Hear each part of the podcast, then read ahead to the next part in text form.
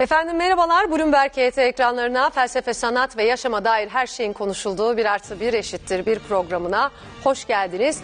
Uygarlığın temel koşulu olarak boş zaman dedik bu hafta efendim ki programlarımızda da sık sık bahsettik iki tür sıkıntıdan. Geçim sıkıntısı, can sıkıntısı. Geçim sıkıntısının varlığı buna karşılık can sıkıntısının da yokluğu felsefe ve sanatın oluşmasına izin vermiyor. Yani ne demek istiyoruz? Felsefe ve sanata vakit ayırmak için, iyi yaşamak için Karnın tok sırtın pek olması gerekli galiba. Biraz da boş zamana ihtiyaç var. Ama detaylandıracağız. Her hafta olduğu gibi Dücani Cindoğlu ile birlikte. Hocam hoş geldiniz. Hoş bulduk. Şimdi detaylandıracağız dedik. Bu bir kalıp mıdır? Yani tarih boyunca bütün filozofların karnı tok, sırtı pekti, çok da boş zamanları vardı. Böyle miydi? Ee, tabii boş zamandan ne anladığımıza bağlı. Aynen öyle. Ee, zamanı tüketmek anlamında yani boş zamanı olmalı ki e, o boş zamanın doldurulması lazım. Heba edilmesi e, değil. Fakat e, o boş zamanın hangi amaca dayanarak, hangi amaç için kullanıyoruz? Mesela bir insan e, işte okuyor, bir meslek sahibi oluyor, evleniyor, çoluk çocuk sahibi oluyor. Sonra işte bir ev alayım, bir araba alayım diyor, emekli olayım diyor, ihtiyarlığımda işte çocuklarımı evlendireyim diyor filan. Yani normal bir vatandaşın yaşam biçimi. Bunun için de işte 30 sene çalışıyor en az. E, eğitimi eğitimi koyarsanız koca bir ömrü e, yaşamda kalmak, işte kendince temel ihtiyaçları karşılamak ve bunun için de çalışmak e, zorunda hissediyor kendisini. Şeyle bu e, Nazilerin toplama kamplarının şeyinde yazan e, Arbeit macht frei, e, çalışmak insanı özgürleştirir. İnsanlar da çalışarak özgürleşeceğini düşünürler. Bu aslında bir anlamda e, temel ihtiyaçlara odaklanmış bu yaşam e, bir ihtiyaç. E, fakat bu amaç değerli bir amaç mıdır? Yani yaş, sadece ya, yaşamda kalmak. E, öyle olmasa gerektir çünkü sadece e, yaşama tutunmak, bir şekilde var olmak için e, bu yaşamı anlamlı kılamayız. Yani bir bakıyorsunuz yaş ilerliyor, yıllar geçiyor, işte çoluk çocuk falan filan ve e, bu işte emekli oluyorsunuz, ne bileyim e, durumunuza göre o emekliliği bir şekilde doldurmaya çalışıyorsunuz filan. E, bu değerli bir şey midir? Yararlıdır, faydalıdır ama değerli midir? Şimdi boş zaman problemi aslında bir yarar yararlı olan e, sorunu. O yüzden biz bu akşam e, boş zamanı e, tartışırken ya da soruştururken e, aslında yararlı olan nedir? E, yararlı olanı aramalı mıyız? Ya da her şeyde yararlı olanı mı aramalıyız? Yararlı olmayan şeyleri isteyemez miyiz? E, ben bunu zamanında önemli ve değerli ayrımıyla ifade etmiştim. Yani yararlı dediğim şeyler hep önemli şeylerdir. Ne yani evlenmeyelim mi? Ne yani okumayalım mı? Ne yani işe girmeyelim mi? Ee, para kazanmayalım. Para kazanmayalım mı filan. Ne olur bir arabamız, evimiz olsa. Ee, bu, bu yani yararlı olduktan sonra niye filan denebilir. Şimdi e, oysa e, felsefenin temel amacı aslında yaşama bir bütünlük kazandırmak, yaşamı bir birliğe getirmektir. Bu yaşam derken insanların yaşamını e, kastetmiyorum. Kendi tinsel yaşamını bir bütünlüğe kavuşturmak, bir birliğe getirmekten söz ediyorum. Bu zannedildiği kadar kolay değildir.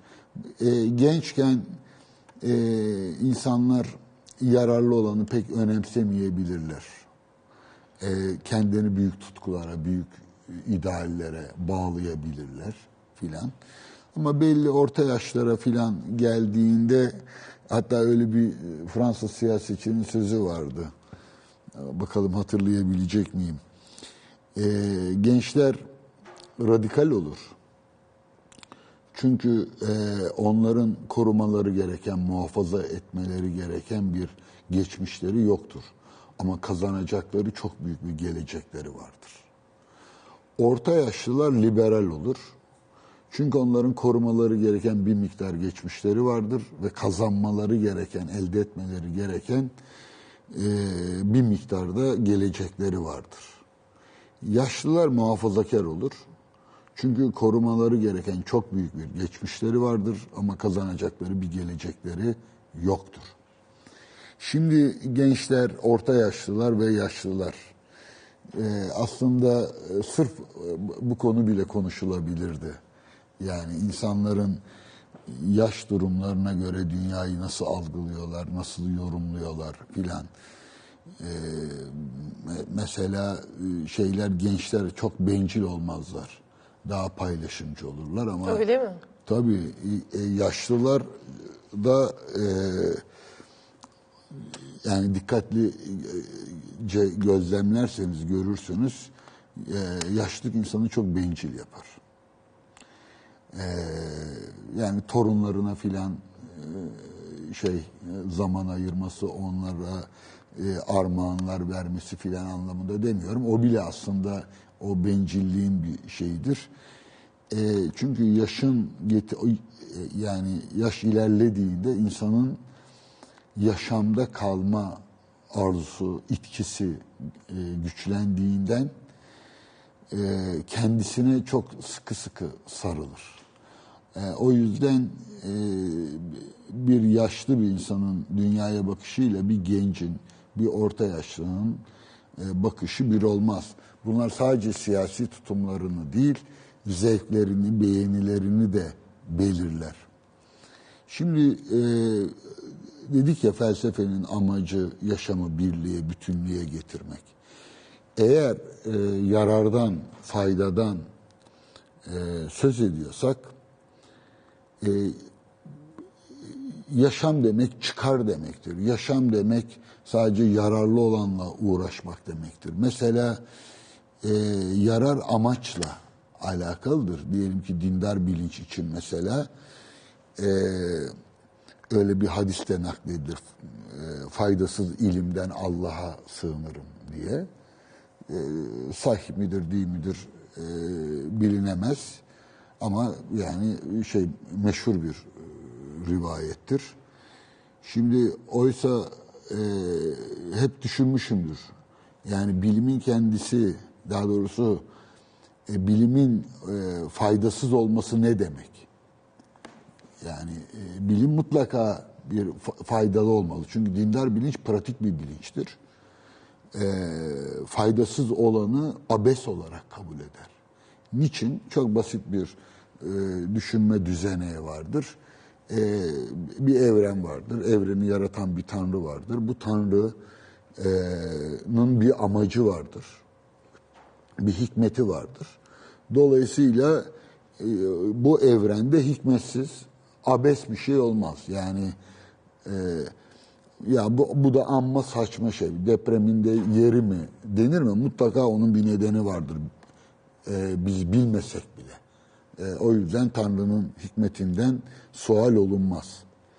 Şimdi bu e, bir şeye amaç atfettiğinizde yarar kavramını ortaya çıkarır. Niye? Yararı nasıl e, tanımlayabiliriz? Çok ilginç mesela. Yararı e, tanımlayan bir açıklama bulmakta e, çok zorlanır insan. Yani izleyicilerimiz denesinler. Bakalım yarar nedir diye iki cümleyle söylenebilecek bir açıklama bulabilecekler. Deneyelim hocam faydalı olan gibi. Ama bakın hemen birdenbire yarardan yararlı olana geçtik.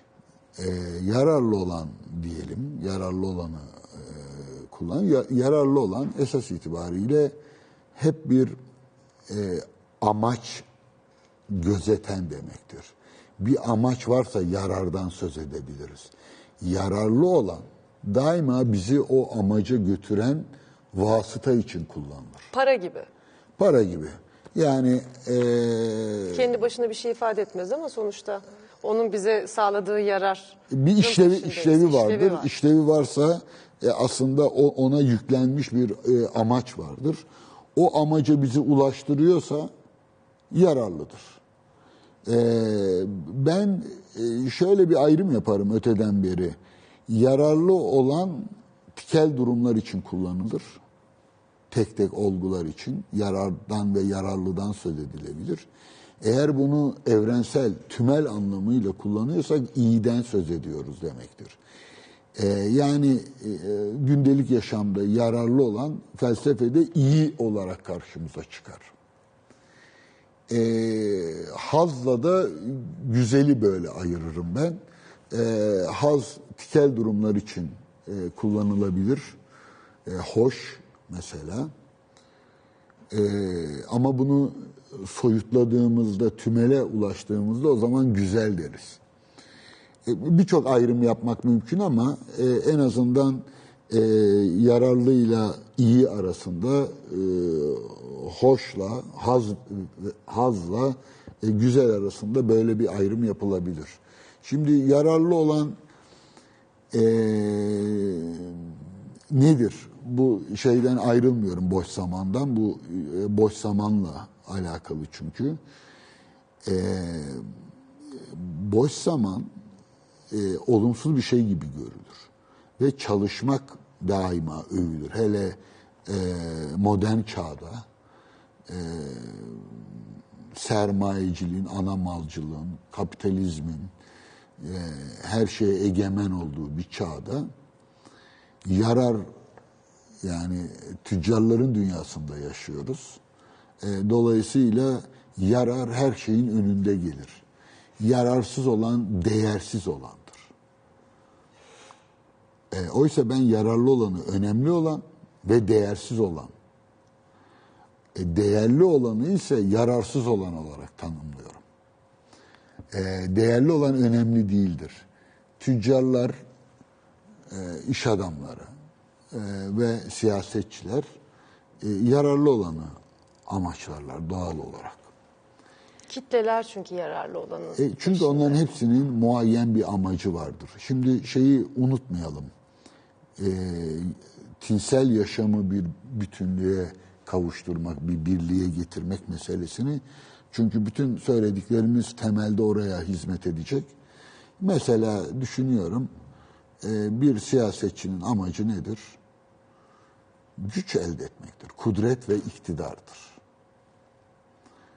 bir iş adamının, bir ticaret erbabının amacı nedir? Kârdır.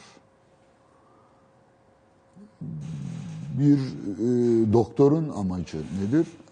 E, e, mesleki olarak e, sağlıktır. Yani hastayı ya e, hastalanmasını engellemek ya da hastalanmışsa iyileştirmek ve sağlığı amaçlar. Bir askerin amacı nedir? Zaferdir. İşte diyelim ki bir mimarın, e, bir mühendisin amacı nedir? Hepsi işte diyebilir ki şehri e, düzenlemek, e, insanların konut sahibi olmasını veya bir konutta yaşamasını sağlamak. Efendim, polisin amacı nedir? Asayiştir. Toplumsal düzendir. Bilimin amacı nedir?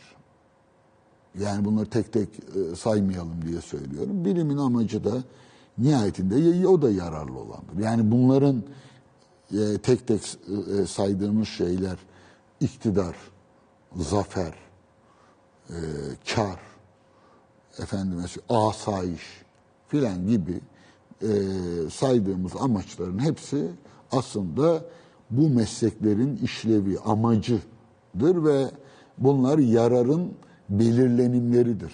Yani e, kendisine iktidar kazandırmıyorsa, kudret, güç kazandırmıyorsa, toplumsal güç, siyasetle uğraşılır mı? Olmaz değil mi? Yani siya- siyasetin özü e, iktidardır, kudrettir. E, ticaretin özü nedir? Kardır. e, işte güvenliğin, güvenlik güçlerinin e, şeyi nedir? İşte asayiştir, askerinki galibiyet, zaferdir falan. Yani bunların hepsi onların işlevi ve amacıyla alakalıdır. Dolayısıyla e, yararın belirlenimleri olarak bunu bunları söyle- söylüyoruz. Peki şey bilimin e, amacı, işlevi nedir? Yani çağımızı dikkate alarak söyleyeyim. Çağımızdaki e, bilim dendiğinde akla gelen şey bakımından teknolojidir aslında. Bazıları teknolojiyi bilim zannediyorlar. Teknoloji bilimin yavrusu, mahsulü, ürünü kendisi değil. Ama neticede yararsız bir bilimden söz edilebilir mi? Hayır. Yani bilim adamları bizim bir işlevimiz ya da bir amacımız yok. Biz işte laboratuvarda çalışıyoruz. Hayır canım koronadan yeni çıktık sayılır hatta hala da devam ediyor. Yani karşımızda bir aşı örneği var yararsız diyebilir miyiz? Evet. Yani e, bilimin de bir amacı Tabii var. ki. Peki felsefenin?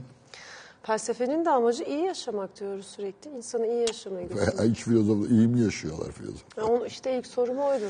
Şimdi iyi yaşamaktan ne anladığımıza bağlı. Yani kaşhanelerde mi yaşıyorlar? Ama iyi yaşamak ille böyle şaşalı yerlerde yaşamak mı? Yani işte bir işlevi, bir faydası olması lazım. Bunun için biraz Platon'a, Aristoteles'e geri gideceğiz. Ee, fakat çok tipik bir fe- felsefenin amacıyla ilgili Platon'un aktarmaktan çok hoşlandığı bir öykü vardır. Belki burada da programlarımız e, sırasında geçmiştir. E, Thales e, ilk filozof kabul edilir. E, Thales yaşlandığında e, bir rivayete göre çok ilginç Trakyalı bir hizmetçi kız. Başka rivayetlerde yaşlı bir hizmetçi ya da işte bakıcı. E, gökyüzünü seyretmek için dışarı çıkıyor Thales geceliğin. Fakat önündeki çukuru göremediği için çukura düşüyor Çukura ve kız Trakyalı kız. Şimdi tabii bugünkü Trakya aklına gelmesin kimsenin. E, Atina'yı dikkate alırsanız Abdera Mabdera filan yukarıda Trakya daha kaba. Yani bizim bugün belki dağlı diyebileceğimiz e, bölgeler. O yüzden Trakyalı yakıştırma da olabilir bu. Ama Trakyalı zikredinde eğitimsiz e, filan e, denmek isteniyor. Öyle anlamalıyız. Çünkü öyküdeki kızın Trakyalı olduğu niye vurgulansın? Kahkaha atıyor. Ve diyor ki e, ya önündeki çukuru göremiyorsun ama gökteki yıldızları seyretmeye kalkışıyorsun. E, hatta Heidegger e, bu Thales hikayesine atıfta bulunarak felsefe böyle bir şeydir diyor. E, kabaca söylüyorum. O çukura düşmektir. Gökteki yıldızları izleyebilmek için. Yani kendi amacı için e, çukura düşmek. Buradaki çukur neyi gösteriyor olabilir? Hiç tereddüt etmeden bu e, çukur toplumsal yaşamdır. İşte deminden beri söylediğimiz belli amaçlara, e, belli vadelere bağlanmış mülkiyet ve cinsiyet rejimi. Bu rejimin içerisinde hareket etmek esas itibariyle çukura düşmektir. Çünkü filozof, hakikat arayıcısı anlamında filozof bu sosyal yarardan vazgeçmiş adamdır. E, sorarım Thales'in göklere bakmasının ne yararı vardı? Özellikle 2000, 2000 ne 2500'ü e, daha da fazla 2600 filan 2700 dememiz lazım. Milattan önce 6. yüzyıl. E, bir amacı yok. Şimdi burada e, şunu rahatlıkla ortaya koyabiliriz. Bütün sanatların kendine özgü bir amaçları ve işlevleri var ve bunlar yararlı. Bilim de nihayetinde bunların içerisinde yer alır ve dolayısıyla bilimin de bir yararı vardır. E, İşte il- ilerlersek dinin de bir yararı vardır. Toplumsal kurumların, mesleklerin, sanatların hepsinin bir yararı vardır. Ama hakikat arayışı anlamında felsefenin bir yararı yoktur. Hatta bu anlamda zararı bile vardır denebilir. Hegel tabii bunu ilginç bir şekilde izah edecektir. Tin diyor şimdiden e, gereksinimlerin e, doymuş bulmak ister. Gereksinimlerini do, e, doyurmuş değil de doymuş bulmak ister. Yani gereksinimsizliği gereksinir diyor. Biraz daha e, temiz bir Türkçe ile söylemeye çalışayım. Yani aslında tinin bütün e, derdi ihtiyaçlarının doyumudur. Dolayısıyla ihtiyaçsız olmaya ihtiyacı vardır. Hakikat arayıcısının o temel ihtiyaçlara e, rın ihti- e, şey yapmaktan, onları doyurmaya vakit ayırmaktan kurtulmak ister. Dolayısıyla boş zaman da burada ortaya çıkacak. Yani felsefe gereksinimsizliğin gereksinimidir. Çünkü tin sadece bilmek ister ve temel ihtiyaçlar, bedensel ihtiyaçlar, maddi ihtiyaçların doyumu e, sonrasında tin asıl kendi açlığını doyurmak isteyecektir. Tin kendi açlığını doyurması için mideyi midenin guruldamaması lazım. Hatta bu felsefe yapabilmek için işte biraz e, ekonomik bakımından e, şey mi olmak lazım.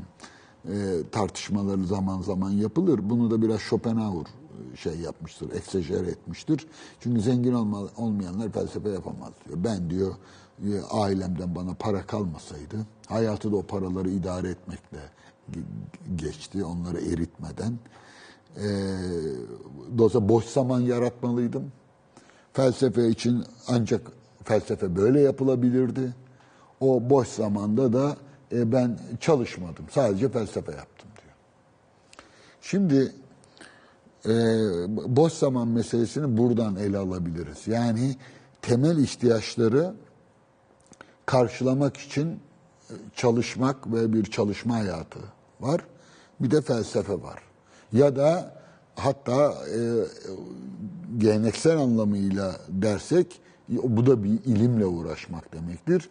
Ti- Ruhun, tinin ya da zihnin kendi içinde kalabilmesi için bir anlamda temel bedensel gereksinimlerini ya askıya alacak bu nereye kadar mümkün? İşte sufiler filan bunu yaparlar. Bir lokma, bir hırka filan falan diye. Ya da işte e, zaviye, tekke ve zaviyelerde, manastırlarda yaşarlar. Buna keşiş yaşamı denir. E, kendilerini bir anlamda toplumsal yaşamdan uzakta tutarak Tanrı'ya vermeye çalışırlar. Yani orada birçok farklı amaç da devreye giriyor. Ama en, en temelde şey e, bazı insanlar en azından şunu söyleyebiliriz yarar yararı amaçlamayabilirler ve felsefeyi felsefeyle uğra- uğraşan hakikat arayıcılarını en azından bura- buraya katabiliriz. İki günümüzdeki anlamıyla sanatçıları. Yani bir sanatçı da e- esas itibariyle bir ressam resim yapmak ister. Bir müzisyen müzik yapmak ister. Müziğiyle para kazanmak, müziğiyle meşhur olmak filan. Bu gerçek bir sanatçının amacı değildir. Bu gelirse gelir. Ama e, müziğe adanmış bir yaşam, e, sanata adanmış işte ne olursa olsun bu resim olabilir, heykel olabilir fark etmez. Sadece o kendinde o e, resim yapmakta, müzik yapmakta doyum arar. Yani tin kendini kendi evinde hisseder. E düşünsenize gündüzleri memurluk yapıyorsunuz, akşamları da resim veya müzik yapıyorsunuz. E, bu olmaz. E, şeyin Mecnun'un e, iş gezisine çıkması gibi bir şey. Leyla'ya mektup yazıyor. Diyor ki hayatım ben bu ay çölde seni arayamayacağım. Çünkü bir ihale aldım onun peşinde koşuyorum. Ya da önümüzdeki seçimlerde milletvekili adayı oldum. Biraz seçim çalışmalarım var. Ama günümüzün gerçeği tam da bu. Şimdi kitlelerin gerçeği bu. Evet. Kitlelerin gerçeği. Bir dayatma ama. Şimdi e, oysa insan e, benim tabii bunlar kişisel kanaatlerim kimseye şey yapmam E, ama bu bir felsefe programı ve uzun zamandır da e, devam ettirdik. O yüzden alışmıştır izleyicilerimiz bize. Yani bu tür aykırılıklarımıza demek istiyorum. Bence insanın e, insan özü gereği tembeldir ve çalışmak insana uygun bir şey değildir. Hatta Platon diyor ki aşırı çalışmak ahlaksızlıktır. Çünkü şey aristokrat kerata ondan. Değil mi? Tabii. Rahat zaten. Kendisi rahat. Aşırı çalışıldığı zaman da işte aşırı iş kaygısı, zenginlik, ün peşinde koşmak bunlardan bahsediyor. Onlar hep aşağılar e, o şeyle alakalı o işte. Onda da bir Spartalı ruhu vardır. Atinalıdır ama e, bütün şeyi Likurgos Anayasası denen Sparta Anayasasıdır. Orada ya anayasanın bütün şeyi temeli hiç kimseye boş va- vakit geçirmesine izin vermemek. Herkes ya eğitim yapıyor ya bir şey yapıyor. Yani hiç kimse boş durmayacak. Kadın, Tabii. erkek, çocuk, çoluk, çocuk hepsi. Ama hocam az önce söylediğiniz ufak bir parantez açmak Lütfen. istedim. Şimdi bu Platon derken siz dediniz ya çünkü zengin. Çünkü hani kendisi rahat dediniz ya. Aslında benzer bir tutum e, sergiliyor insanlarda. Platon bir diyor ki aşırı çalışmak ahlaksızlıktır. E, Tam böyle diyor mu kitlelerle- bilmiyorum ama. Ya evet evet benzer. Zaten pek çok Ya sözü bu ifade aynı fazla şey. klişe gibi evet, geldi. pek çok söz için aynı şey geçerli. E, işte kitleler de e, düşünen insana ya da filozofa bazen yaklaşımı böyle olabiliyor. Yani onun çünkü karnı tok ya da işte oturduğu yerden rahat rahat konuşuyor gibi. Tamam. eee, bunu Marx'ın da talep ettiği gibi eee, dünyanın tüm emekçileri birleşin demişti. Birleşselerdi ki birleşenlerinin ne yaptığını da gördük. Eee, böyle değil yani eee, bu işler. Eee, ama biz biliyoruz ki Marx'ın temel amacı işçilere boş zaman temin etmekti. E, Das Kapital'in dipnotlarında bol bol örnek verir. Yani çalışma saatlerinin e, azaltılmasında sosyalistlerin çok büyük bir emeği vardır insanlığa. Çok büyük katkıları vardır. Sosyalistler bu kadar uğraşmasaydı e, fabrika sahipleri, e, burjuvazi bu hakları kolay kolay vermezlerdi. Bir kısmını söke söke aldılar. Bir kısmı onların da işine geldi filan. Ama e, neticede niye çalışma saatleri azaltılsın, ücretler arttırılsın ya da işçileri de e, artı değeri biraz daha hiç değilse e, eşit değilse bile biraz daha insaflı dağıtılsın. Yani bütün eşitsizlikler niye ortadan kalksın? Mülkiyet eşitsizlikleri, cinsiyet eşitsizlikleri boş zaman için. Yani kadın haklarının temeli de odur.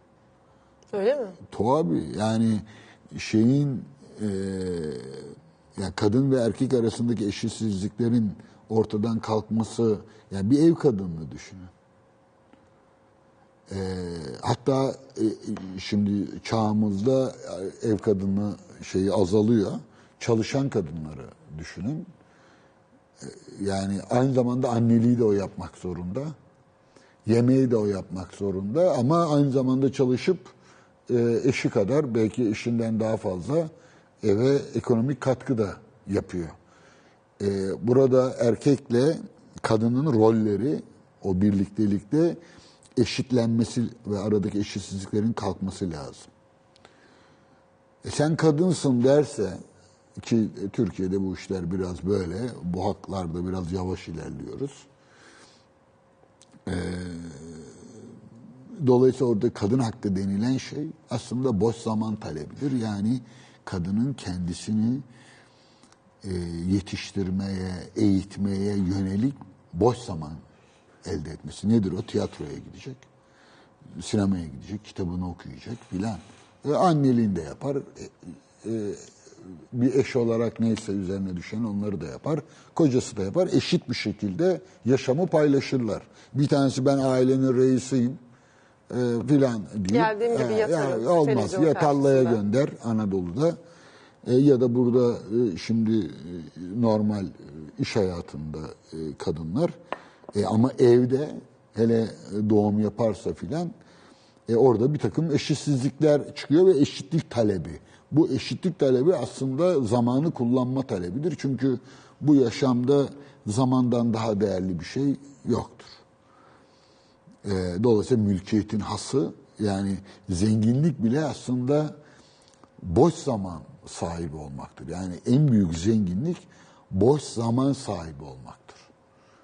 Ee, yani insan niye harcamayacaksa, niye para kazanmayı istesin? Değil mi? Yani parayı harcamak için de boş zaman gerekir. Çalışmayacaksınız yani. Şimdi o tatil meselesine de e, geleceğiz. Yani niye işte tatil zamanlarının arttırılması. Marx'tan açıldı da buraya geldik. Yani orada bile aynı e, sorun var. Boş zaman sorunu. Emek, çalışma, yaşamı ve boş zaman. Şimdi e, temel ihtiyaçları karşılamak ya da artık şimdi o temel ihtiyaçları karşılamak değil, belli bir yaşam seviyesini tutturabilmek için e, be- be- belli bir geliriniz olması lazım. Onun için de çalışmanız lazım. Eğer aileden filan ki aileden bile olsa e, fark etmiyor. Şimdi bu e, dedim ya en başta sakın unutmayalım diye. Felsefenin amacı yaşamı birliğe getirmektir dediğimiz için.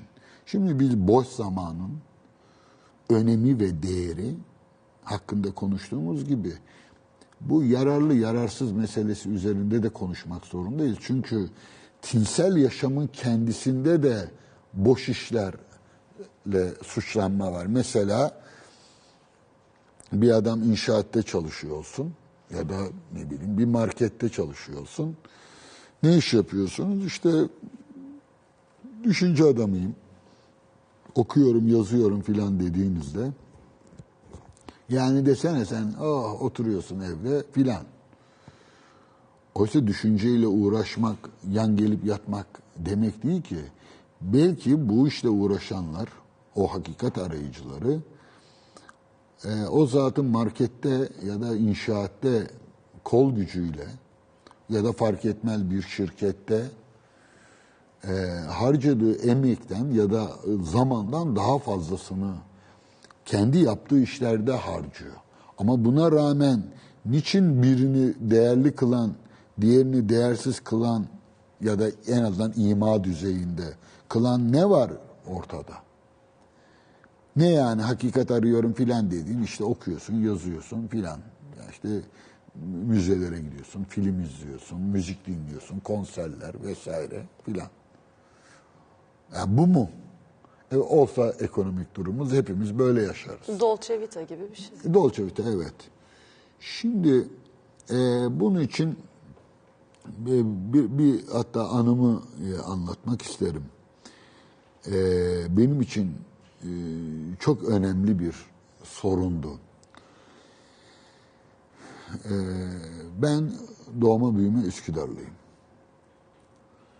E, hep sahilde geçti hayatım. Yani Salacak, Çifte Kayalar'dan tutun Vaniköy'lere kadar bu tarafta. O, babaannem de Beşiktaş tarafında e, Tarabi, Kireçburnu ve Beşiktaş'ta oturdu. E, karşı sahillerde de her tarafında denize girmişimdir. E, zihnimdeki soru şuydu. Üsküdar'da e, kitapçı tutunamıyor.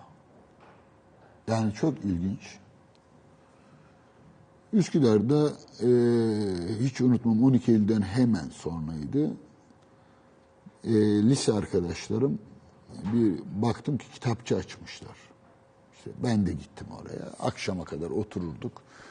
E, rahmetli babam hiç unutmam bana bir gidiş geliş otobüs bileti parasıyla e, bir çay parası. İşte o zaman birinci içiyorduk.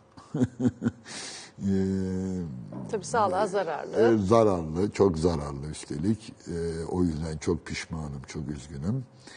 E, ama tabii 12 Eylül'den sonra e, bazı e, o yaştaki bir çocuğun olması gereken, olmaması gereken yerlerde uzun süre e, bulunmak durumunda olduğumdan çalışmıyordum da. Yani yeni dışarı çıkmıştım. Oraya giderdim. E, cennet gibiydi. E, küçük bir kitapçı, bir oda. E, biraz ekonomik durumu iyiydi o arkadaşımızın. Babasının çünkü babası müteahhitti filan. Bir onu bilirim. Babası müteahhit, oğlu kitapçı ne kadar enteresanmış. Evet yani bu işlere çok düşkündü. Hala Türkiye'nin şimdi reklama girer diye şey yapmayayım. Ee, en önemli e, internet e, kitap bu dağıtım şeylerinden bir tanesini e, kurucusu, ilk kurucularında yani ilk bu işleri yapanlardan e, kitaba, okumaya filan çok düşkün bir arkadaşımızdı. O zaman tabii yeni ideolojik seçenekler ortaya çıkmıştı filan. Sonra yıllar kapandı. Bir daha bir açılır gibi oldu filan. Bir şey olmadı ondan. Yıllar sonra bir tane daha. İlginç o da Karadenizliydi. Bu arkadaşımız Rizeliydi. Ötekisi zannediyorum e, Trabzonluydu. Tabii müteahhit deyince Ha, anlamalıydım. onun da babası ya- yanlış hatırlamıyorsam e, ya müteahhit ya da zengin biriydi. O da baba babadan destekli. O da kitaba düşkün bir çocuktu. O da bir kitapçı hatta yayın evi açtı o. O da işte battı batacak filan. Yani şu anda var mı e, faaliyette mi bilmiyorum ama e, şey yayın faaliyeti zannediyorum eskisi gibi değil. Fakat şunu söyleyebilirim. 40 yıllık hatta ne 40 yıllık 60 yıllık bir Üsküdarlı olarak e, son e, 10 yıldır pek uğramıyorsam da e, Üsküdar'da kitapçı tutunamaz. Olmaz yani. Bunu neye bağlıyorsunuz? Hiçbir şeye bağlayamadım uzun süre. Sonra dikkat ettim bizim Kadıköy, Kadıköy kitapçı kaynar. Çocukluğumun geçtiği Beşiktaş.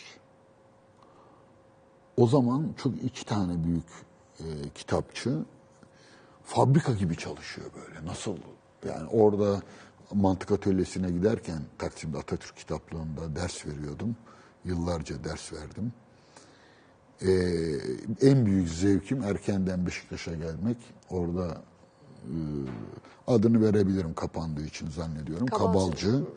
Kabalcı'da kitapları temaşa etmek. Sonra onun karşısında bir tane daha vardı filan. Sonra derse gitmekti. Beyoğlu. Beyoğlu da öyleydi. Fakat Fatih, Eyüp ve Üsküdar. Buralarda fazla kitapçı tutunmuyordu. İşte yani şeyleri saymıyorum tabii. Tesbih, takke, ne bileyim Güllü Yasin filan. Bir iki tane İhya Ulumuddin filan satan şeyler, dini yayınlar diye. Ee, ve şöyle bir soruyla bu birleşti. E, türkü barlar, meyhaneler, eğlence yerleri Beyoğlu bunlarla dolu. E Kadıköy de öyle, Beşiktaş da öyle. O zamanki e, şey e, zihnimden geçen şuydu ben- bana göre. insanın kitap okuyabilmesi, düşünceyle uğraşabilmesi için bu tür böyle eğlence filan falan bu alemlerden uzak durması lazım.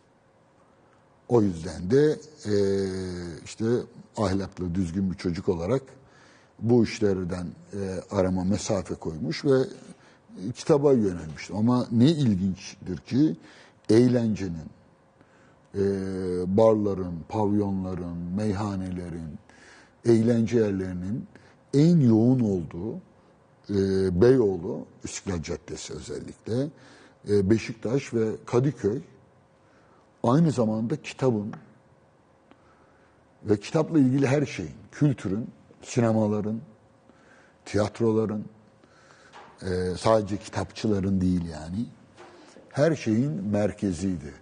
Ve e, benim zihnimdeki belki 20 yıl, 30 yıl bu soruyu dolandırdım zihnimde. Nasıl oluyor da e, insanın kendi içine çekilmesi anlamında e, kitapların dünyasıyla bu dünyayla o zaman için ki düşüncemi söylüyorum taban tabana zıt olan e, eğlence dünyası yan yana gelebiliyordu. Benim bütün e, yıllarca zihnimde e, taşıdığım soru buydu. E, ta ki yıllar sonra rastlantısal olarak e, bu e, sorunun cevabını bulana kadar. O da e, Kanos'ta e, bir antik kent. Kanos biliyorsunuz. Orayı gezerken beni e, işte ne, ne diyelim rehberlik yapan arkeolog hocamız bir e, üniversiteden bir arkadaş şey dedi buradaki dedi e, amfiteyatr e, hem siyasi meselelerin konuşulduğu yer olarak kullanılıyor hem de tiyatro ve müzik odeon olarak kullanılıyor dedi. Filan derken e, tabii dedi e, işte tiyatroların tanrısı dedi Dionysos'tur dedi. Ben değil mi Dionysos Baküs şarap tanrısı değil mi dedim. Ha evettir de, dedi. Ama aynı zamanda tiyatroların da tanrısıdır dedi. O zaman yıllardır zihnimde dolaştırdığım bu Kadıköy, Beşiktaş ve Beyoğlu için e, zihnimde taşıdığım o e, soru, yanıtlanamayan soru e, yanıtını buldu. Ve şöyle dediğimi hatırlıyorum. Tabii ya dedim. Kültürün, neşenin, yaşamın olmadığı yerde e, kitap mı olur? Yani o birbirinden ayrılabilir bir şey değil ki.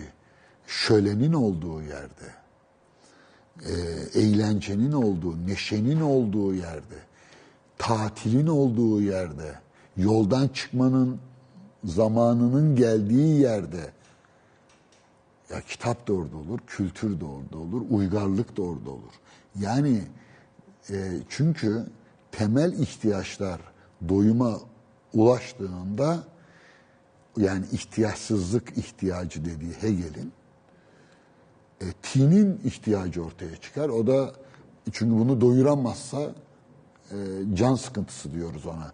Yani daha özet bir şekilde söyleyecek olursam geçim sıkıntısı ertelendiği ya da kenara konduğunda e, bu sefer can sıkıntısı dediğimiz tinsel açlık aşamasını e, aşamasına geçilmiş oluyor. E orada da e, kültür ve e, uygarlığın yazı, sanatlar e, filan devreye giriyor. E, o bakımdan e, yaşamın temel ihtiyaçlarıyla hakikat arayışı anlamındaki kültürün, kitabın, düşüncenin e, birbirine e, zıt olarak algılamış olmam benim e, temel yanlışım diyebiliyorum. İsterseniz tam da bu noktada biz de izleyicilerimize biraz boş zaman sunalım. Ufak bir reklama gidelim, soluklanalım, sonra buradayız.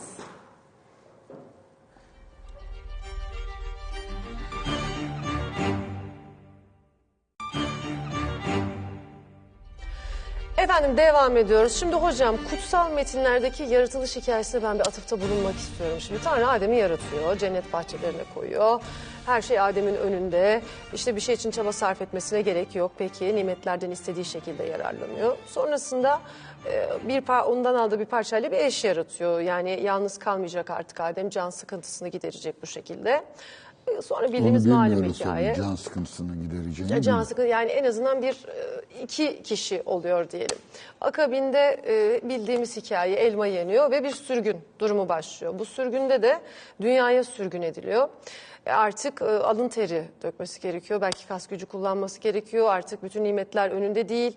Ya cennet bahçelerinde o serbest boş zamana bolca sahip olan Adem'in artık e, çalışmak durumunda kaldığı bir durum. Şimdi burada dikkatimi çeken bir nokta şu.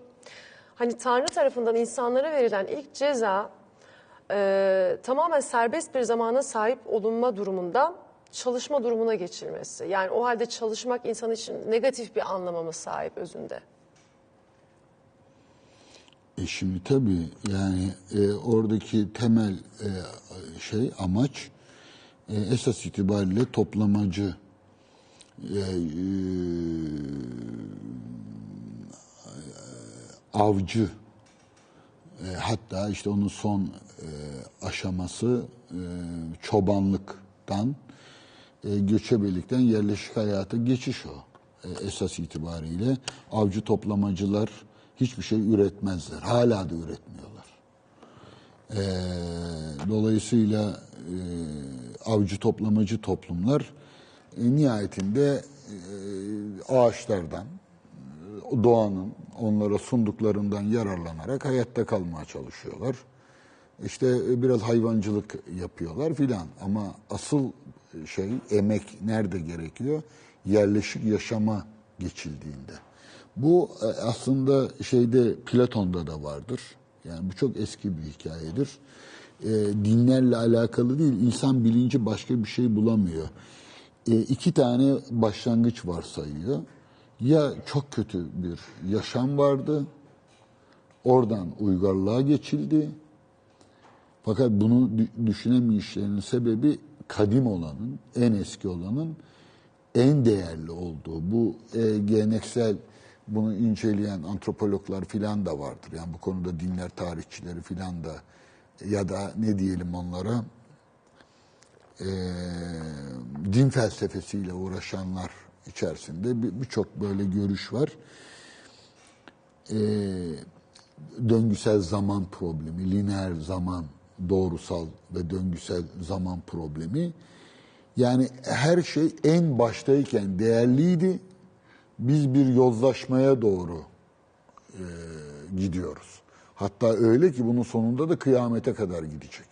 Yani bir dekadans, bir çöküş e, tasavvur edebilmek için önce mükemmel bir mükemmel yaşam tasavvur edilmesi lazım. E, dolayısıyla o oradan aşağı doğru e, inilecek. Fakat ödül olarak da cennet veriliyor tekrar. Orada da işte hiç çalışmayacaksınız.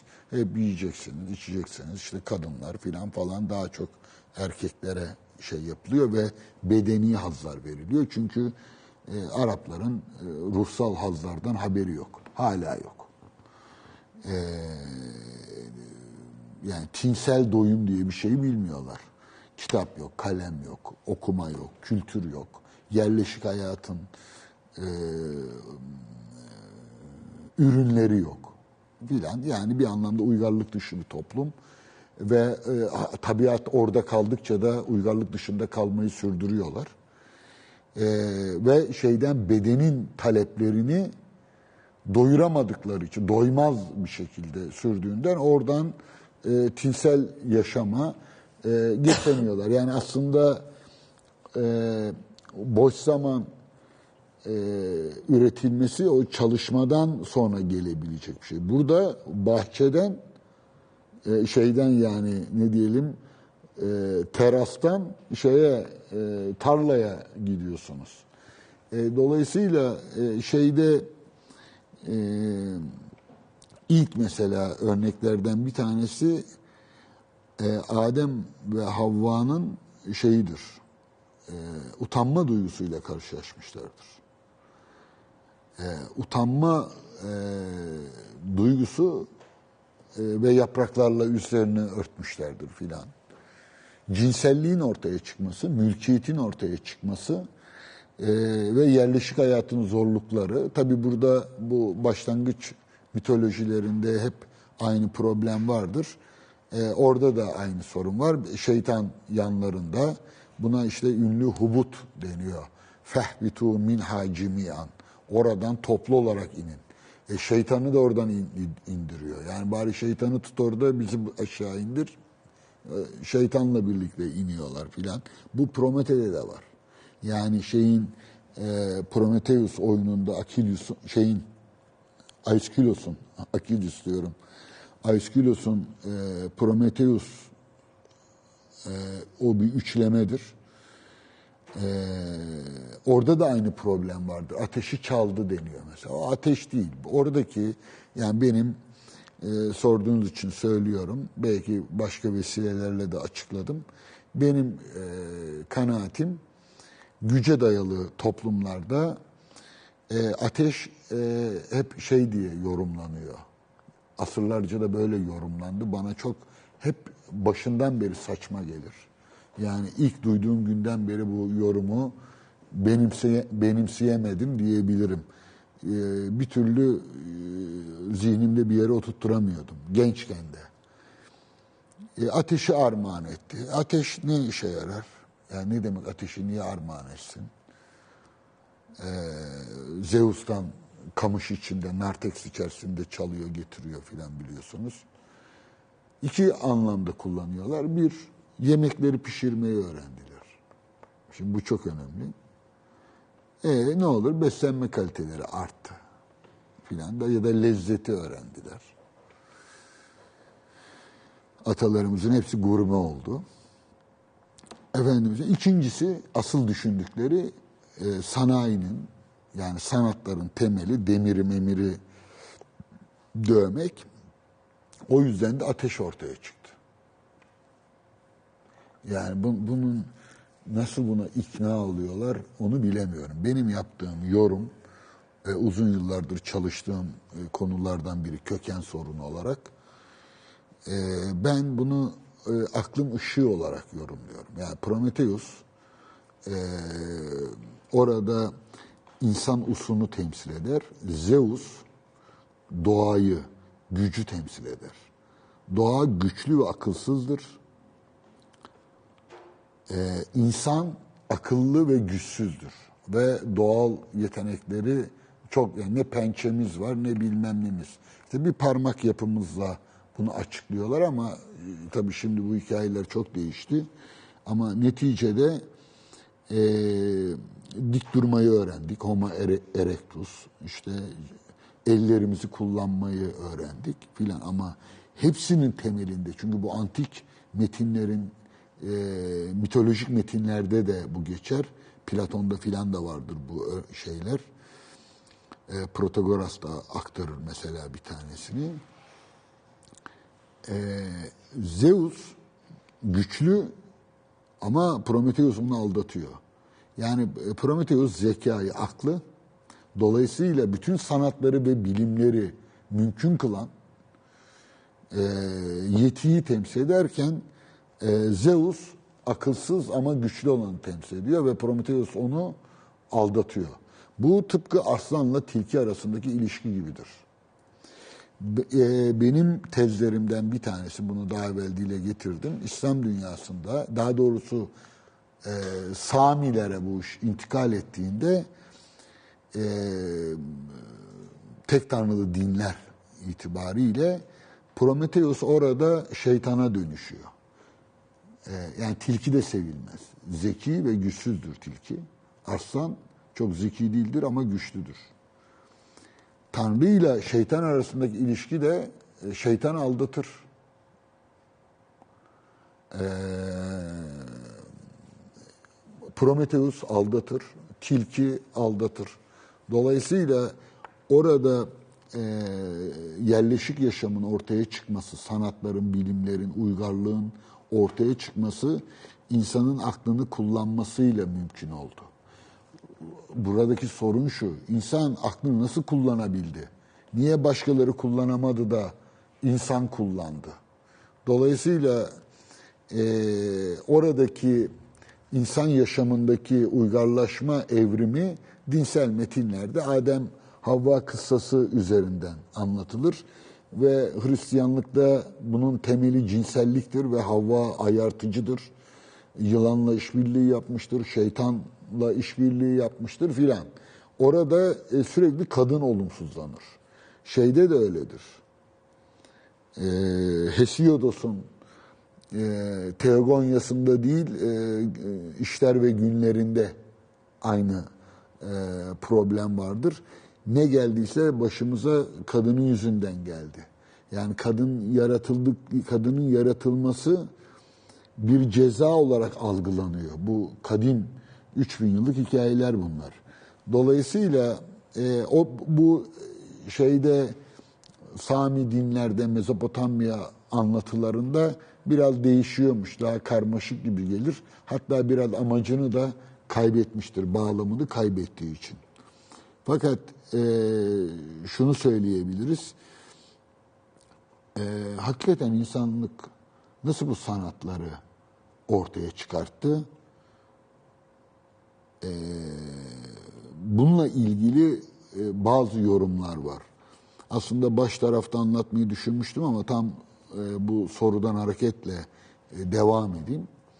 Şimdi e, özellikle matematik bilimlerinin, geometrinin ortaya çıkışıyla ilgili iki tane temel yorum vardır. Bütün bilim tarihi kitapları, özellikle matematik tarihi kitaplarında. Ee, ve tamamen ilkel biçimde yorumlanır. Yani çağdaş yorum tamamen yanlıştır. Hiç üzerine düşünülmemiştir. Sadece İngilizlerin emprisistleri e, bakış açılarını tatmin ettiği için hemen üstüne atlamışlardır. John Bernard bile öyle diyor. Yani Herodot diyor Aristoteles'ten daha ikna edici filan diyor. Ama bence e, acele ediyor. Anlamıyor çünkü. E, bu konunun e, alanın uzmanları içinde söyleyeyim. Nedir bu? Bu kadar rahat nasıl atıp tutuyorum? E, koskoca bilim tarihçilerini sen kim oluyorsun, sen kimsin e, diyebilirler. O da şu, e, işte burada da e, ö- şey yapıyorum. E, açıkça söylüyorum. E, geometrinin ortaya çıkışıyla ilgili iki tane tez var. Bir tanesi Herodot'tan gelir, bir tanesi Aristoteles'ten gelir. İki kaynağımız var. Üçüncü yok. Aslında İzokrates vardır. İzokrates'in bu sirisinde e, ilginç bilgiler var. E, o da şu. Geometri nasıl ortaya çıktı? Ya da matematik nasıl ortaya çıktı? Herodot diyor ki e, Mısır'da firavunlar e, halkın topraklarından vergi alıyorlardı. Ürünlerinden vergi alıyorlardı. Fakat Nil'in taşmaları nedeniyle her yıl büyük taşmalar yaşandığı için e, sular çekildiğinde herkesin arazisinde büyümeler ve küçülmeler oluşuyordu. Dolayısıyla standart bir vergi tayin edilemediği için kral, e, hükümdar e, rahiplerini görevlendirdi ve e, her yıl arazilerin ölçümü yapılmak zorundaydı. Arazi ölçümü yapılmasının nedeni e, her yıl adil bir şekilde onların sahip oldukları toprağa göre vergi almak. Çünkü o toprağa göre ürün alıyorlar. Evet Ali Nesin'le bir- birlikte yaptığımız programda Onda da konuştuk. Yok. e, Ali ile olan değil. Başka bir programda konuştuk. Tahmin ediyorum.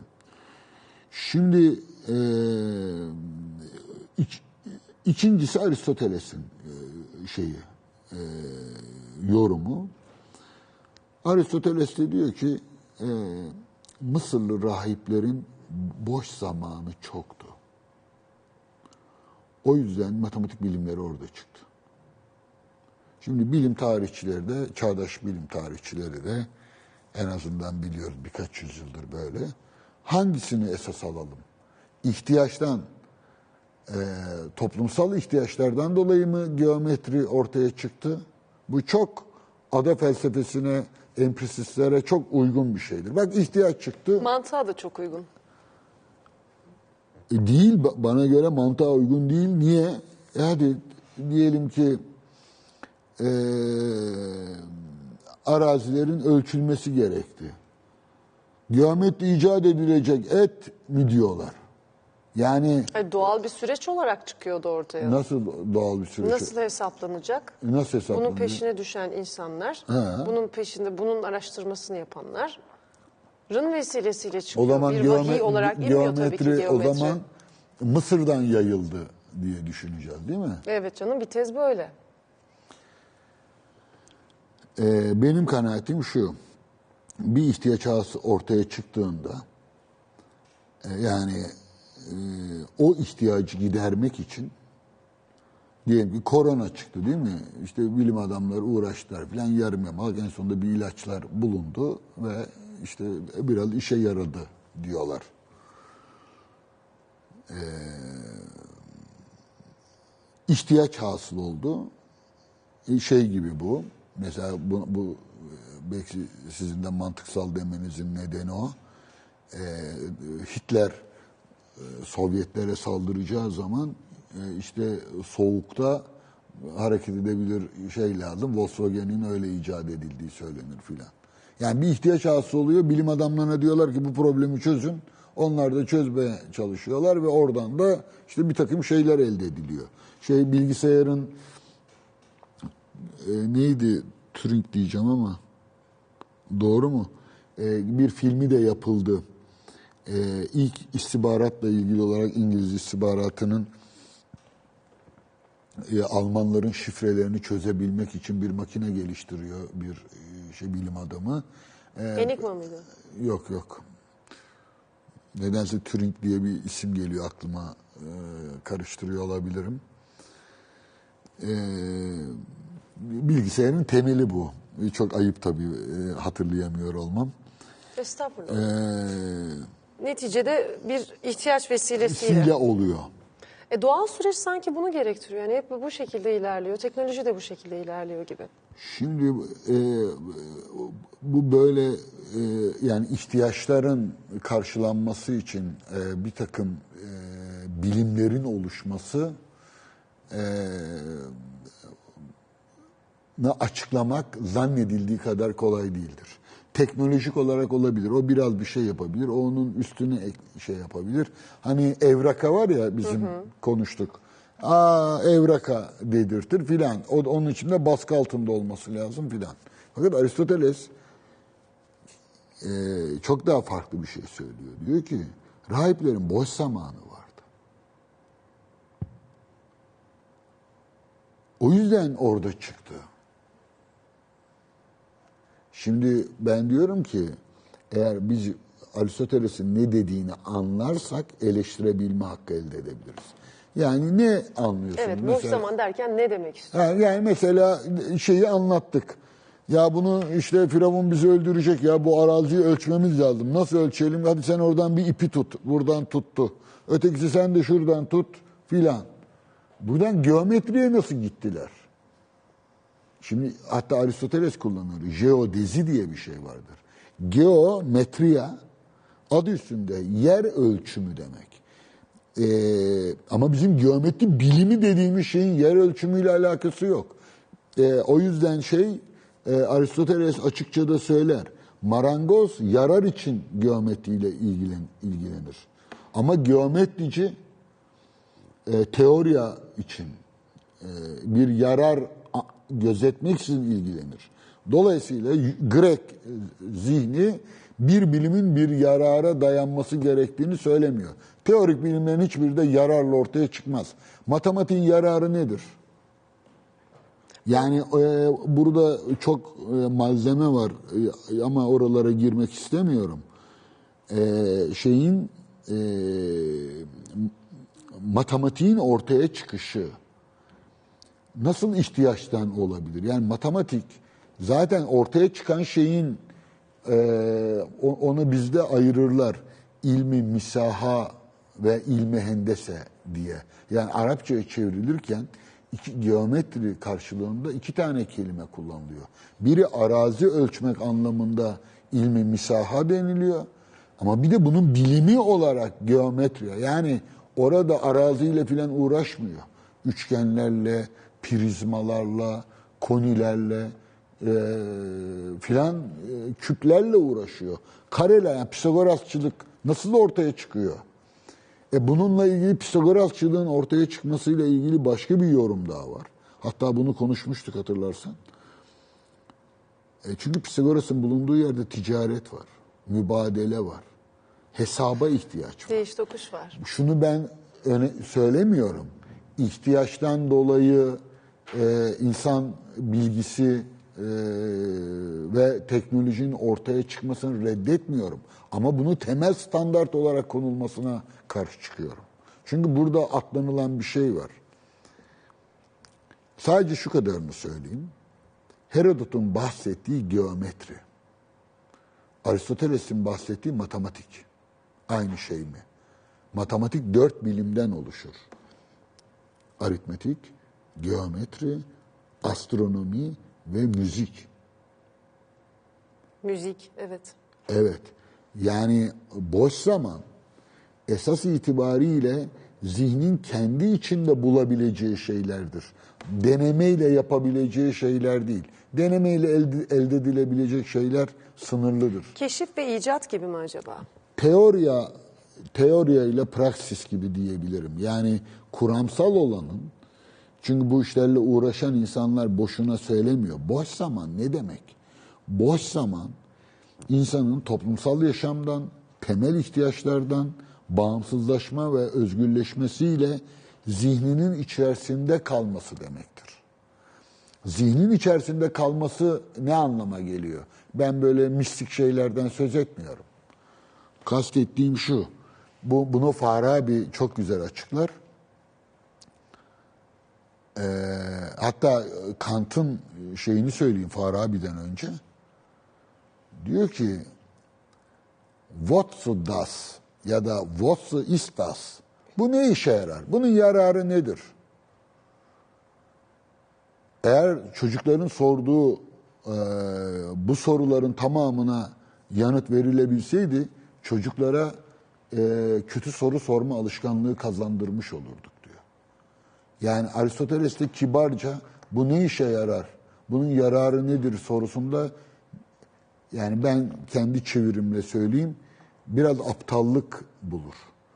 Ee, bir insan her şeye bu ne işe yarar diye so- sormamalı. Bu biraz hani bizim kültürümüzden e, söyleyeyim edebe mugayirdir. E, ve hafif bir e, zeka kavrayış eksikliğinin de belirtisidir. E, yaşamda o yüzden ben girişi yaşamı bütünlüğe getirmektir felsefenin amacı diye başladım. Her şey yararlı olmaz. Değerli olan şeylerin bir işe yarası, yaraması gerekmez. Ve matematikçilerin çoğu matematiğin bir işe yaramadığını, fel, büyük felsefecilerin çoğu felsefenin bir işe yaramadığını övünerek söylerler. Niye? O Farabi örneğini vereyim. Farabi diyor ki insanın amaçları üç tanedir. Has, yarar ve güzel.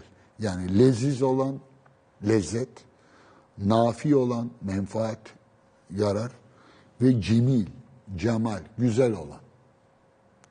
Şimdi bazı şeyleri sadece biliriz diyor. Yapma, yapmayı düşünmeksizin. Mesela Tanrı birdir. Ne yapalım? Bu bizden bir eylem istiyor ki bunu sadece biliriz. Birdir veya değildir deriz. Ama sağlıkla ilgili, tıpla ilgili filan bir şeyler söylediğimizde hem biliriz hem onu yapmakla da yükümlüyüz. Dolayısıyla e, yarar yararı hazda olan yararla güzelde olan yarar diye ayırıyor. Ve diyor ki e, felsefe e, terimi hikmet diyor.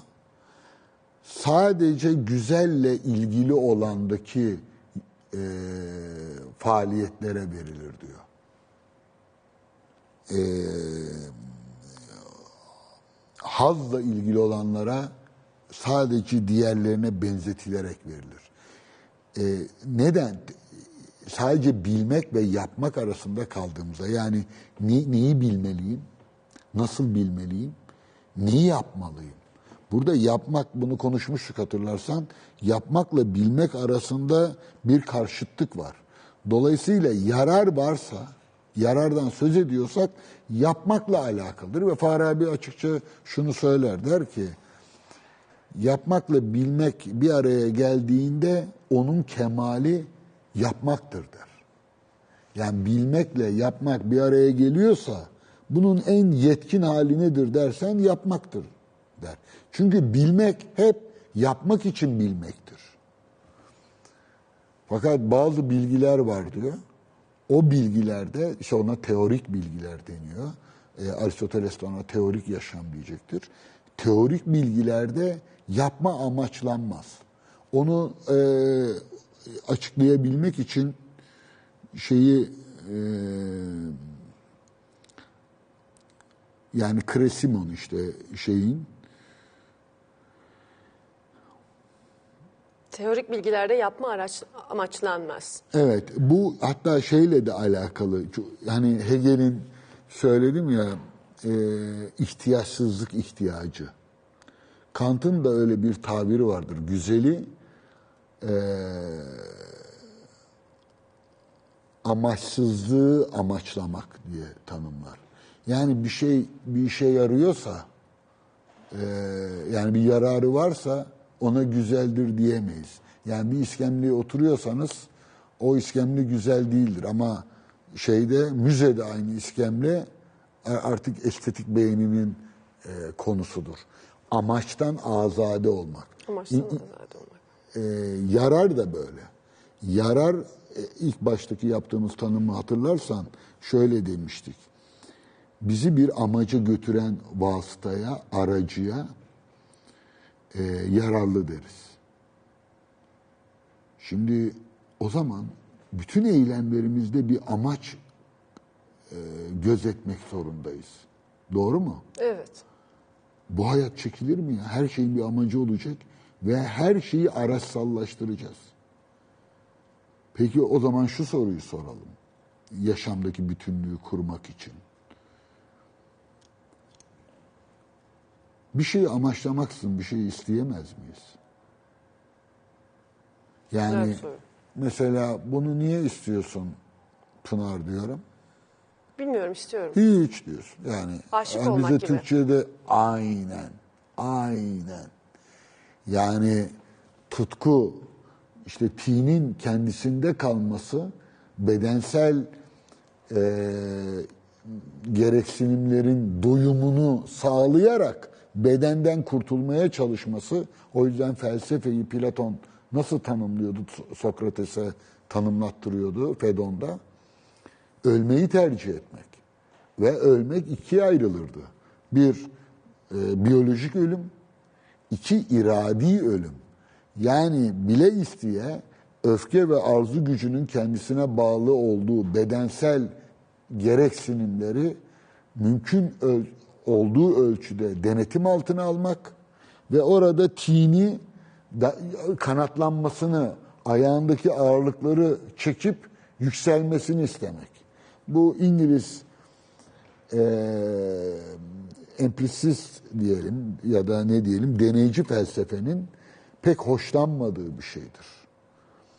E, o aklın, tinin uçuşa geçmesi onu muhayyileyle uçuş olarak algıladıklarında bunu hep İngiliz filozoflar tehlikeli bulmuşlardır. Hume'da da vardır, bu Bacon'da da vardır filan. Fakat ya o zincirlerini kıran, yürümeyi hatta koşmayı bırakıp kanatlanmayı becerenlerle e, bu uygarlık bugünlere geldi. Dolayısıyla tinin kendisinde kalması herhangi bir yarar gözetmeksizin doğrudan kendi konusuna odaklanması anlamına gelir. Bu yani yaşamı herhangi bir amaç yoksa bu şey demek değil. Köşkte filmleri seyredelim, kahkahalar filan falan, eğlenceler, havuz başı partileri. Ya bu değil ki. Yani çalışmanın karşıtında boş zaman denilen şey, buradaki boşluk aslında e, be- bedeni ihtiyaçları doyurmak için harcadığımız zamanı mümkün mertebe azaltarak o zamanı tutku duyduğumuz o hakikat arayışına çevirmek. Bir matematikçiyi düşünün. Yani e, şey e, Hardy çok ünlü bir matematikçi. Bir matematikçinin anılarında diyor ki ya da savunusunda ömrünü boşa geçirmemiş matematikçi yoktur diyor.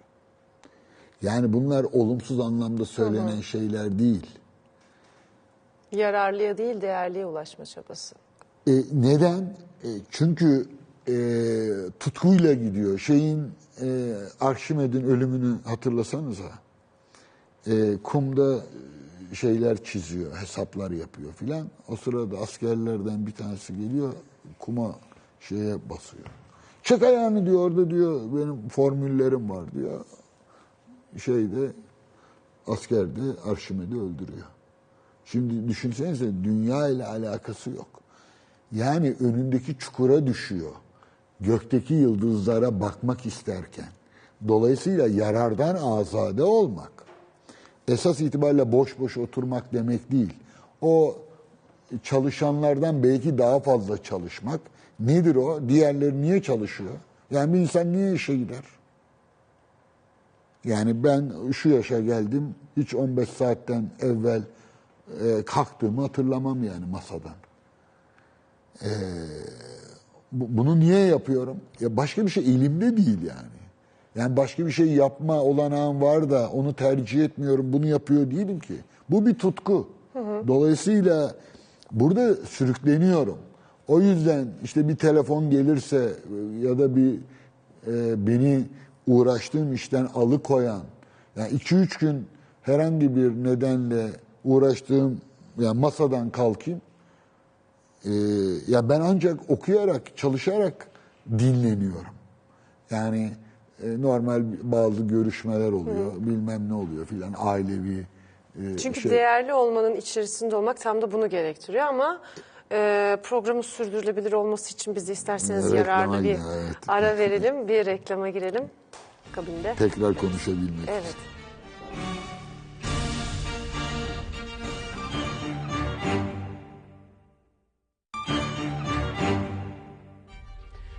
Efendim devam ediyoruz. Şimdi yararlı olan, değerli olan ayrımı. Biz ama en başında dedik ki uygarlığın temel koşulu olarak boş zaman. Temel koşulu olarak boş zamanı nitelendiriyorsak çalışmak neresinde? Çalışmadan Yani uygarlık olur. köleler bilim yapamaz. Bu e, çok eski bir sözdür. E, dolayısıyla yarar e, dendiğinde, çalışmak dendiğinde aslında insan çalışmaya mecburdur. E, çalışmak zorundadır. E, Çünkü insan çalıştırılmaktadır.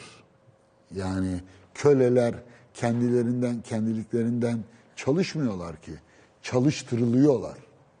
Çünkü e, ücretsiz emek, e, işte öyle bir ayrım vardır ya, e, ücretli kölelik, ücretsiz kölelik diye. E, ücretsiz emektir.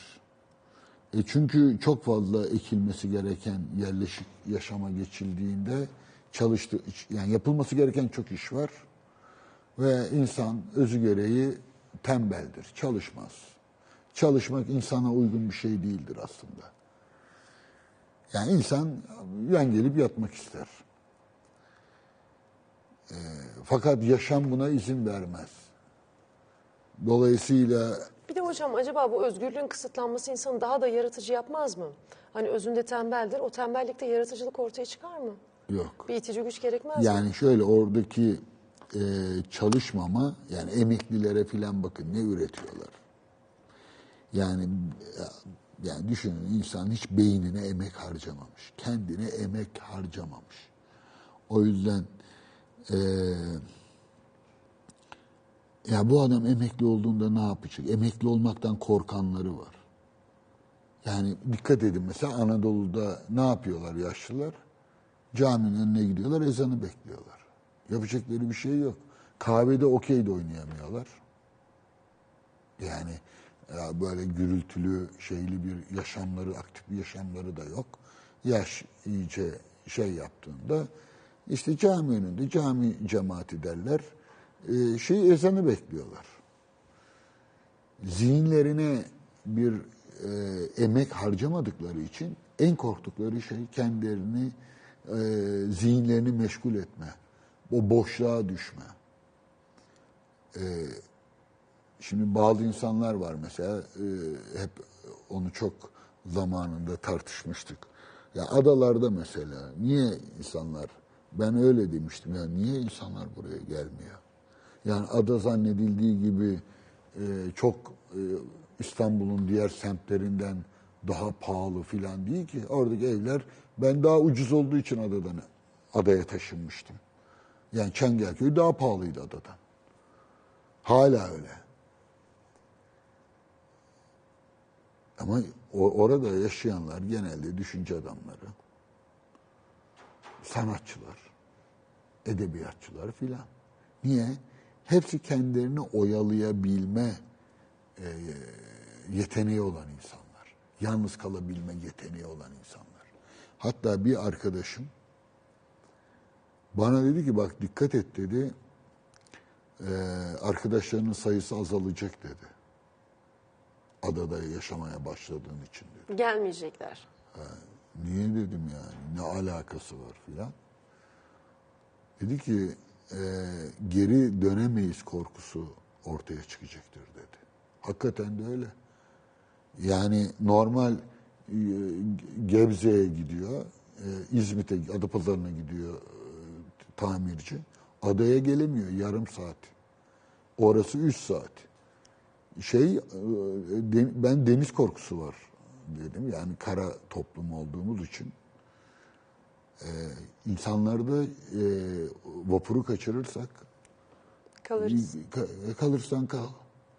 Ya bu o kadar büyük bir e, mekan baskısı yaratıyor ki çok ilginç. E, böyle mahrumiyet e, duygusu yani kulağa belki şey geliyordur ama hakikaten de böyle oldu. Çok kişiyi gördüm. Yani nasıl geri döneceğim? Yarım saat. Yani normal ya- yarım saat. Ee, oysa İstanbul'da nereye giderseniz bir saatten iki saatten evvel gidemezsiniz ki. Çok yakın yerlere bile. Hele iş çıkışlarında filan. Şimdi e, kendini meşgul etmek e, çok zordur. Bunun için eğitilmiş olmak lazım. İnsanın kendisini eğitmesi lazım.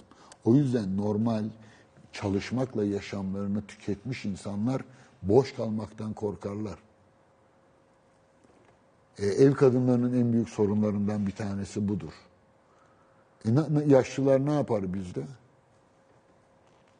Yani dantel örer, bilmem ne yapar. Köşede hiç kımıldamaz, Buda heykeli gibi durur. İhtiyar anneanneler, babaanneler filan. Çok azı dışarıda yapabilir. Bu basit, işte boş zamanla alakalı. Bir tiyatroya gidemiyor, bir sinemaya gidemiyor. Ee, ne bileyim, e, belki bir alışveriş için, bir hava almak için. Ee, rahmetli babam bana öyle derdi. Ee, bir defa beni İstiklal Caddesi'ne götürdü. Şey dedi, buralara pek gelme dedi bence. Bir İstanbul çocuğu dedi. Bir kır kahvesi. O eskiden e, kır kahvesi denilen böyle Çengelköy'de filan deniz kenarında salaş böyle bir çay ocağı filan olan yerler aslında şey vardır e, küçük Çamlıca'da filan. E, kır kahvesi denir. Böyle iki tane iskemle atarlar, bir tane çay ocağı.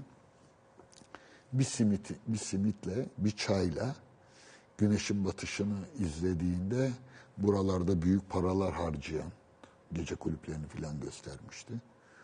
Daha fazla zevk alır demişti. Şimdi dolayısıyla e, insan e, elinde bir kitapla e, zihnine yeni bir şeyler öğrenmekle kendisini meşgul edebilir. Fakat insanların çoğu burada hazırlıksız yakalanıyor. Ne, ne yapacağını bilemiyor. İlla başkalarıyla e, vakit geçirmek istiyor. Boş zaman aslında zihnin üretebilmesi için gerekli olan zamandır. Tutkuda yarar olmaz. Tutkuda amaç da olmaz. Yani tutkuda e, aşıkın maşukla olan ilişkisinde maşuk bir amaç değildir aslında. Yani bilinçli olarak edinilmiş bir amaç değildir. Sadece bir mıkna, demirin mıknatısa doğru sürüklenmesi gibi e, şeyin e, tutku sahibinin nesnesine e, doğru sürüklenmesinden ibarettir.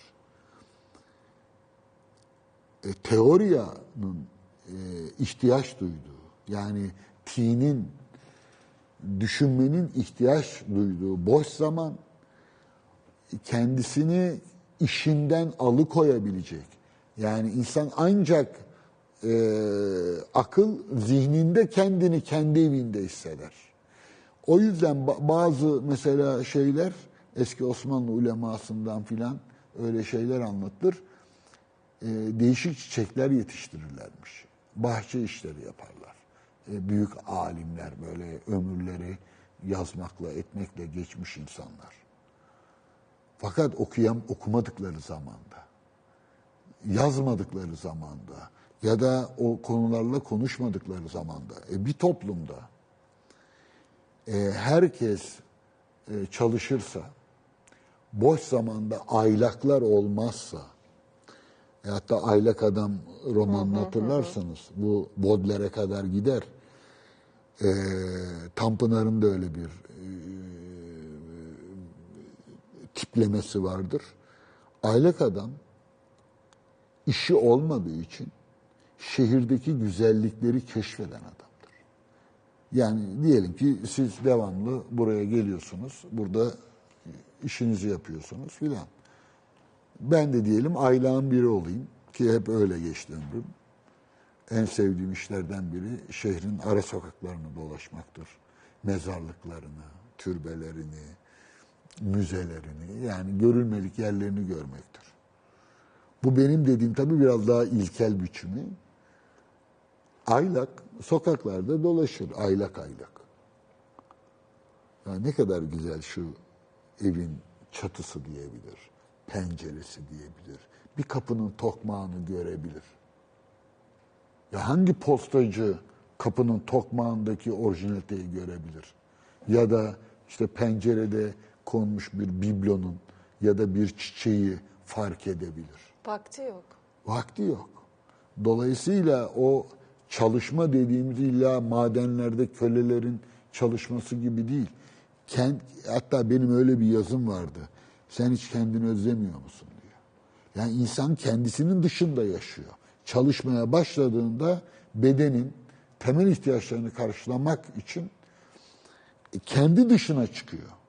Şimdi diyeceksiniz ki bu aslında sağlık işareti, kötü bir şey değil. İnsanın kendi kendine kalması, toplumsal yaşamdan uzaklaşması da olumlu bir şey değil. O ilk e, Beşiktaş, e, Kadıköy ve e, Beyoğlu'nu örnek verirken eğlencenin, neşenin olduğu yerde toplum bu nevabit denilen, asalak denilen, aylak denilenlerin katkılarıyla ilerliyor. Bergson'un öyle bir e, sözü vardır. E, toplumla bireyi metabolizma ile hücre arasındaki ilişkiye benzetir. Ve hücrenin varlığı metabolizma içindir der. Yani hücrenin ondan bağımsız, metabolizmadan bağımsız bir varlığı olmaz. Metabolizma içindir o. Birey de toplum içindir.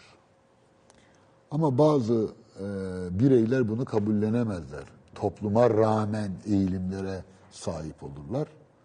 Ve metabolizmayı değiştiren daima o tür hücrelerdir diyor. Yani toplum yaşamında da o toplumun o standartlarının dışında kalan e, bireyler o toplumu değiştirebilmiştir. Neden?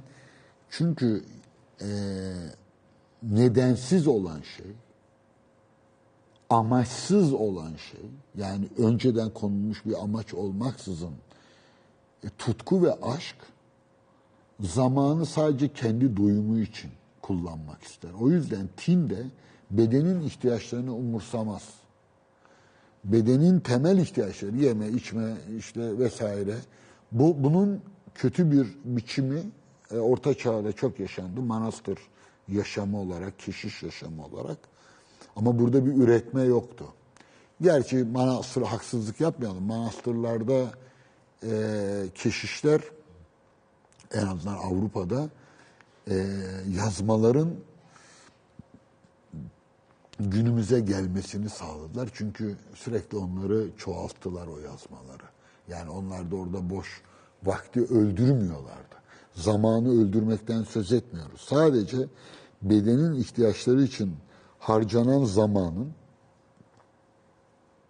doyurularak tinin bunları doyurma ihtiyacından uzaklaşma e, aşamasına yükselerek bunu sadece kendi için yapmasından söz ediyoruz. İşte biz buna daha kısa yol kullansak biraz böyle çok kulağımızı ters gösterdik ama e, tinin e, sadece kendini düşünerek kendisi için yaşaması demektir. E, aşk dediğimiz, tutku dediğimiz şey aslında e, tinin sadece kendisini merkeze almasıyla mümkündür. Toplumsal olanı, başka çünkü yararlı olan daima başkasını gerek e, gerektirir. Yani bir araç olabilmesi için kendi dışınızda bir yere yönelmeniz gerekir. O ona e- onu elde edebilmek için o aracı üretmeniz, o araca zaman ayırmanız, o araç et onu, çıkar sahibi olmak demek de bu zaten. Para yani düşünün eee, bunu şey diye ayırmışlar eskiler. Aristoteles de bahseder bundan. Orta Çağ'da da çok yazılmıştır. İnsan bir şeyi kaç nedenle isteyebilir? İki nedenle isteyebilir. Bir başkasından dolayı. Gördüğü için mi, özendiği için mi? Hayır. Ee, yani istediğiniz bir şeyi o şeyin kendisi için değil, başka bir şey elde etmek için istersiniz. Değil mi? Başka bir etkeninden dolayı, evet. Evet. ba- başka bir amaçla. Evet. Ya parayı niye elde etmek isteriz? İşte hep verdiğimiz örnek. e, diyelim ki onunla e, ev almak isteriz. Evi niye almak isteriz? İşte barınmak isteriz. Niye barınmak isteriz? Çünkü evlenmek isteriz. Filan filan diye. Şimdi soru şu. Bu boş zamanla ilgili belki de en çarpıcı olan e, sorudur bence. Kendinden dolayı istediğimiz ne var bu dünyada? Sadece hiçbir yarar çünkü şundan dolayı istiyorum deyince vasıta ortaya koyuyorsunuz. Bir amaç var ve o amaca e, sizi götürebilecek bir vasıtadan söz etmiş oluyorsunuz. Ben diyorum ki hayır vasıtaya gerek yok.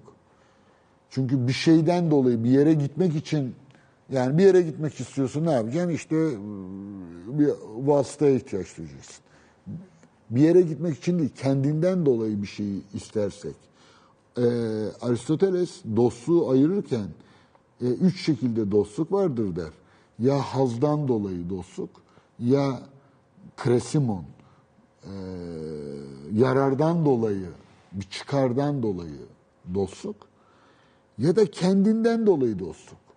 Yani bu senin dostun mu dostun? Neden neden dostun? Kendinden dolayı bir nedeni yok. Ben hatta öyle söylerim. Sevgi ile aşk arasındaki fark da böyledir. Eğer birine aşık mısın, aşıksın. Ne- Neden aşık oldun? Bilmiyorum ama seviyorum diyorsanız işte iyi davranıyor, merhametli, sıralayabilirsiniz Bilal. sıfatlarını. Yani sevginin nedenleri, hoşlanmanın nedenleri, beğenmenin nedenleri söylenebilir. Ama aşık olmak, eğer neden söylüyorsanız zaten aşık değilsiniz demektir. Çünkü bir aşık, yani Mecnun'a sorsanız, ya bu Leyla'da ne buluyorsun sen? O güzelliğin beş para etmez bendeki aşk olması kafası. Yani ya onun değişik tevilleri Evet, evet. var ama neticede e, şeyin e, aşık nedeni olmayan adamdır. Aşk ne, tutku nedensildir. Çünkü zorunludur.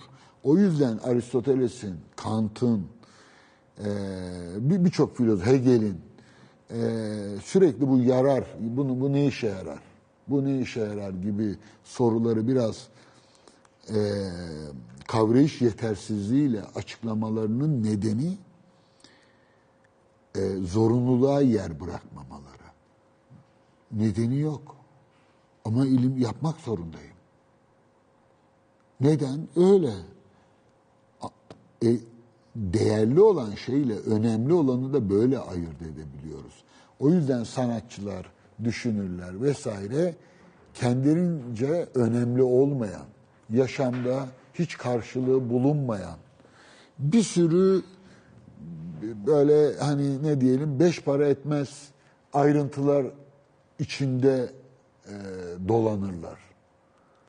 Ve başkaları için bu yani mesela e, diyelim ki biri benim yaşamımı eskiden çok karşılaşırdım bununla. Gördüğümde bana biraz acırlardı.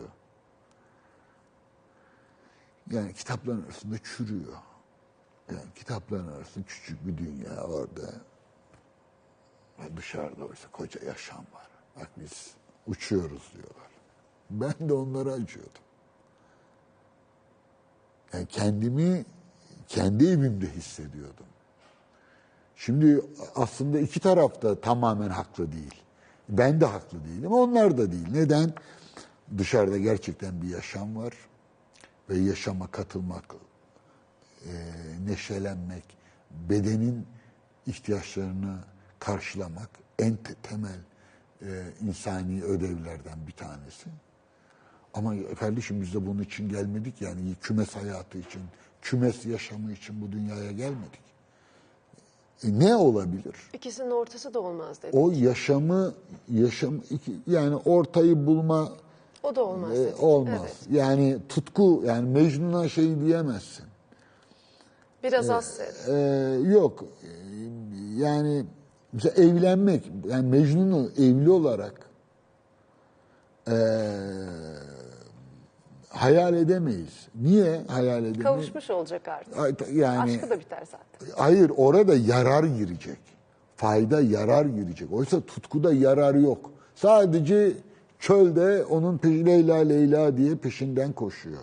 Ve insan yaşamında çok az kişi tutku sahibi olabilir. Yani bu gündelik yaşamın zorunluluklarından kurtulabilmek için insanın bunlardan azade olması illa zengin olmasıyla, parayı bulmasıyla alakalı değil. Özellikle gençler mesela bunu yapabilirler. Gençler o çıkarların peşinde koşmayı akıl edemediklerinden kendilerini büyük tutkulara emanet edebilirler. Devletler, siyasette bunu iyi bildiği için onları ideolojilere e, hemen asker olarak, kurşun asker olarak alır ve cepheye sürer. Onlar kendileri için bir amaç tayin etmeye fırsat bulmadan devlet ve aile e, onların yerine onlara öyle tutkular verir ki çocuğun hayatı orada mahvolur gider. Çok azı oradan kurtarabilir.